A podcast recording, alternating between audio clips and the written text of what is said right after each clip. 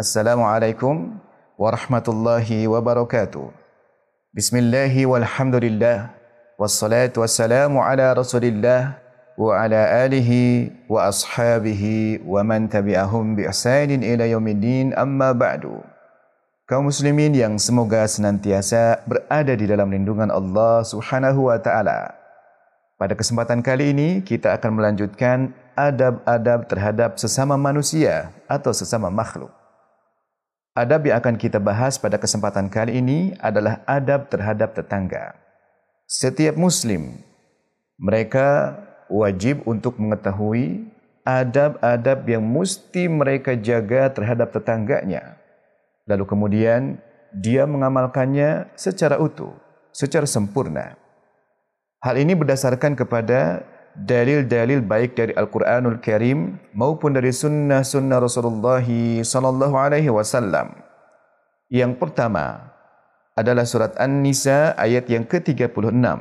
Allah Subhanahu wa taala berfirman, "Wa bil walidaini ihsana wa bidzil qurba wal yatama wal masakin wal jari dzil qurba wal jaril junub."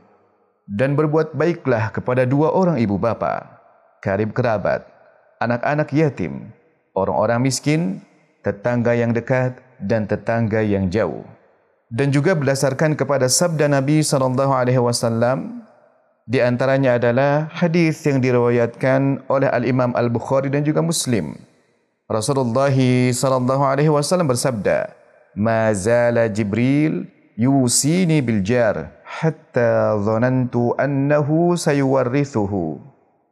Jibril masih saja berwasiat kepadaku untuk berbuat baik kepada tetangga sehingga aku mengira bahawa tetangga akan menjadi ahli waris. Dan juga di dalam hadis yang diriwayatkan oleh Al-Bukhari dan juga Muslim, Rasulullah sallallahu alaihi wasallam bersabda, "Man kana yu'minu billahi wal yawmil akhir, falyukrim jarah."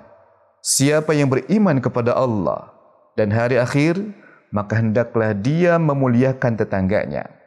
Adab yang pertama terkait adab-adab terhadap tetangga adalah tidak menyakitinya, tidak menyakiti tetangga, baik menyakiti dengan perkataan maupun menyakiti dengan perbuatan. Rasulullah sallallahu alaihi wasallam bersabda, "Man kana yu'minu billahi wal yawmil akhir, fala yu'dhi jarah." Siapa yang beriman kepada Allah dan hari akhir, maka janganlah dia menyakiti tetangganya. Ini adalah hadis yang diriwayatkan oleh Al-Imam Al-Bukhari dan juga Muslim. Kemudian, di dalam hadis yang lain yang juga diriwayatkan oleh Al-Imam Al-Bukhari dan juga Muslim, Rasulullah sallallahu alaihi wasallam bersabda, "Wallah la yu'min, wallah la yu'min." Faqila lahu, "Man huwa ya Rasulullah?" Faqala, alladhi la ya'manu jarahu bawa'iqahu. Kata Nabi, demi Allah dia tidak beriman. Demi Allah dia tidak beriman.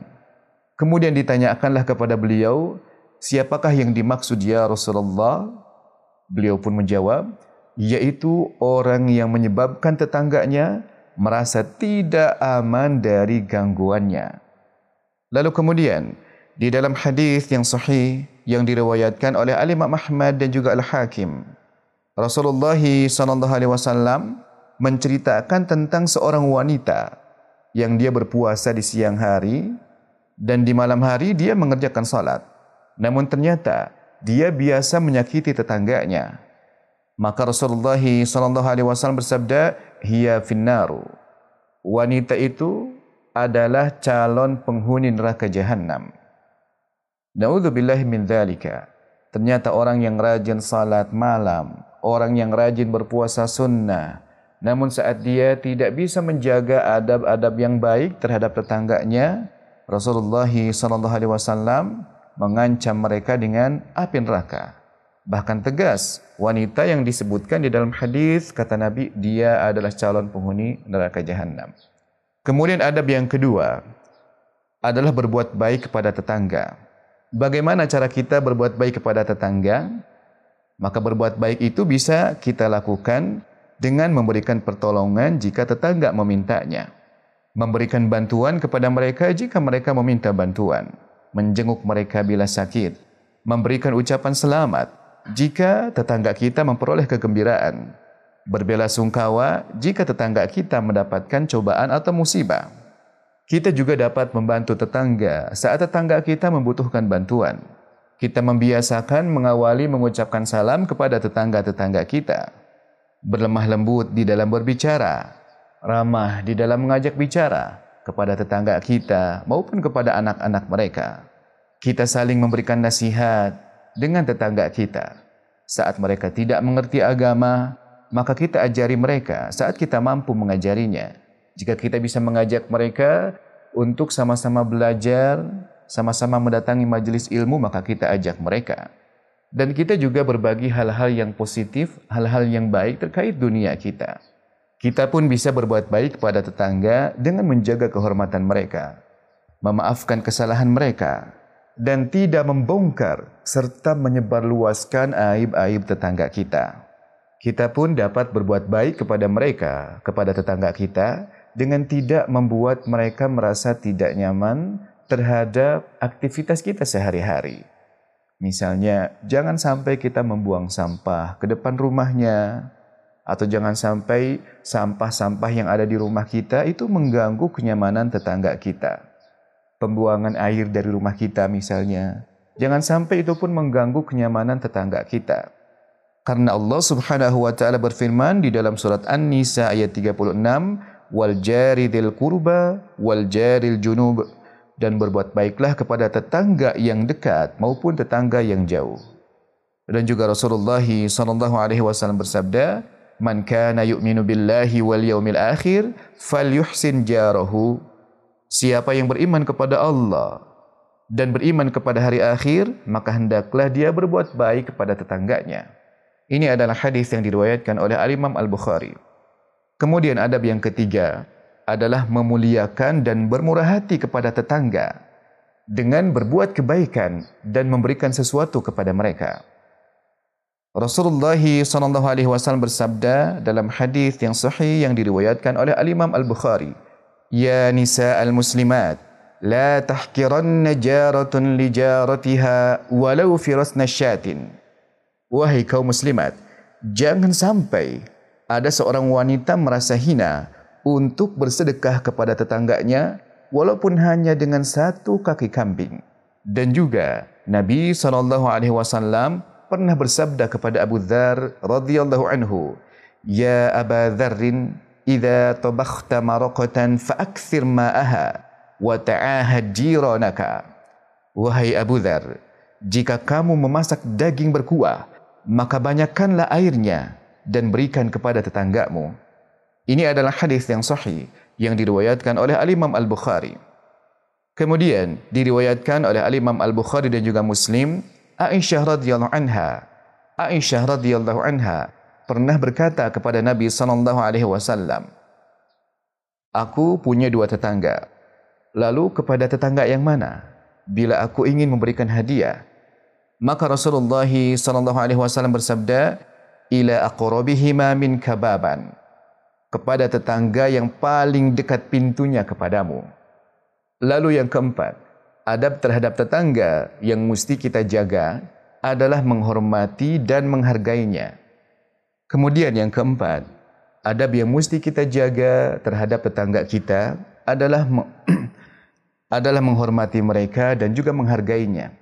Bahkan di dalam hadis yang sahih yang diriwayatkan oleh Al-Bukhari dan juga Muslim, Rasulullah sallallahu alaihi wasallam mewanti-wanti agar jangan sampai ada seseorang yang melarang tetangganya untuk meletakkan kayu pada dinding temboknya. Beliau berkata, "La yamna'anna ahadukum jarahu an yad'a khashabatan fi jidarihi." Janganlah salah seorang di antara kalian melarang tetangganya untuk meletakkan kayu pada dinding temboknya.